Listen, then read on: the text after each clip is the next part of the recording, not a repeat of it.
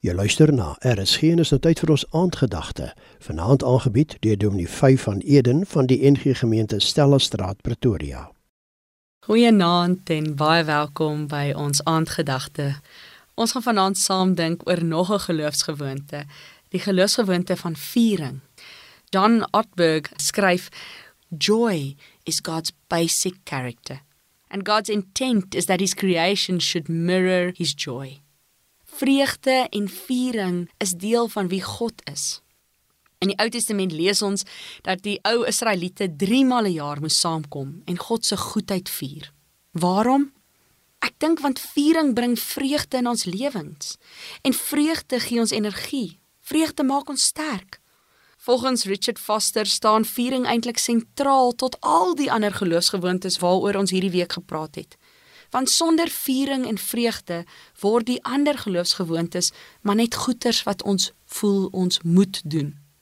Om die geloofsgewoonte van viering te beoefen is om bewus te wees van die lewe en wêreld en dit te vier as God se handewerk en sy geskenk aan ons. Ons beoefen die geestelike gewoonte van viering wanneer ons onsself, ons lewe, ons wêreld vier vanuit ons geloof en vertroue in God se grootheid, sy skoonheid en sy goedheid. Hoe beoefen 'n mens die geestelike gewoonte van viering? Waar begin 'n mens? Hier is sommer 'n paar voorstelle. Eerstens, vra God om vir jou te leer om uit 'n oorvloed mentaliteit te begin leef, eerder as vanuit 'n skaarsste denkraamwerk. Dit beteken om bewus te word van hoe baie ons het, die oorvloed wat ons geniet. Tweedens, dink so 'n bietjie het jy al in die motor gery en daar 'n liedjie op die radio begin speel een van daardie liedjies wat jy net nie op gewone volume kan luister nie. Nee, jy moet hom so bietjie harder sit en jy moet hardop saam sing.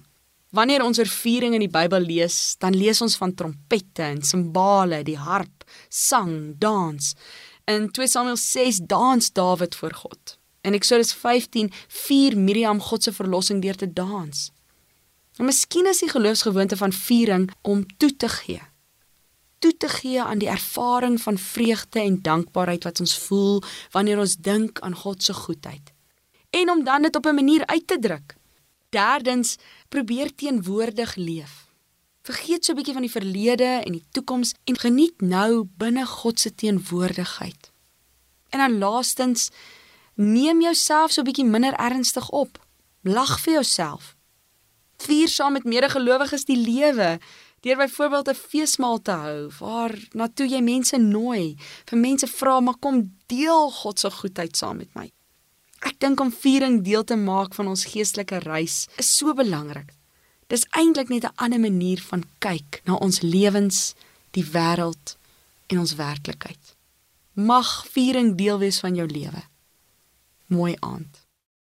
Die aandgedagte hier op RSG is vanaand aangebied deur Dominee 5 van Eden van die NG Gemeente Stella Straat Pretoria.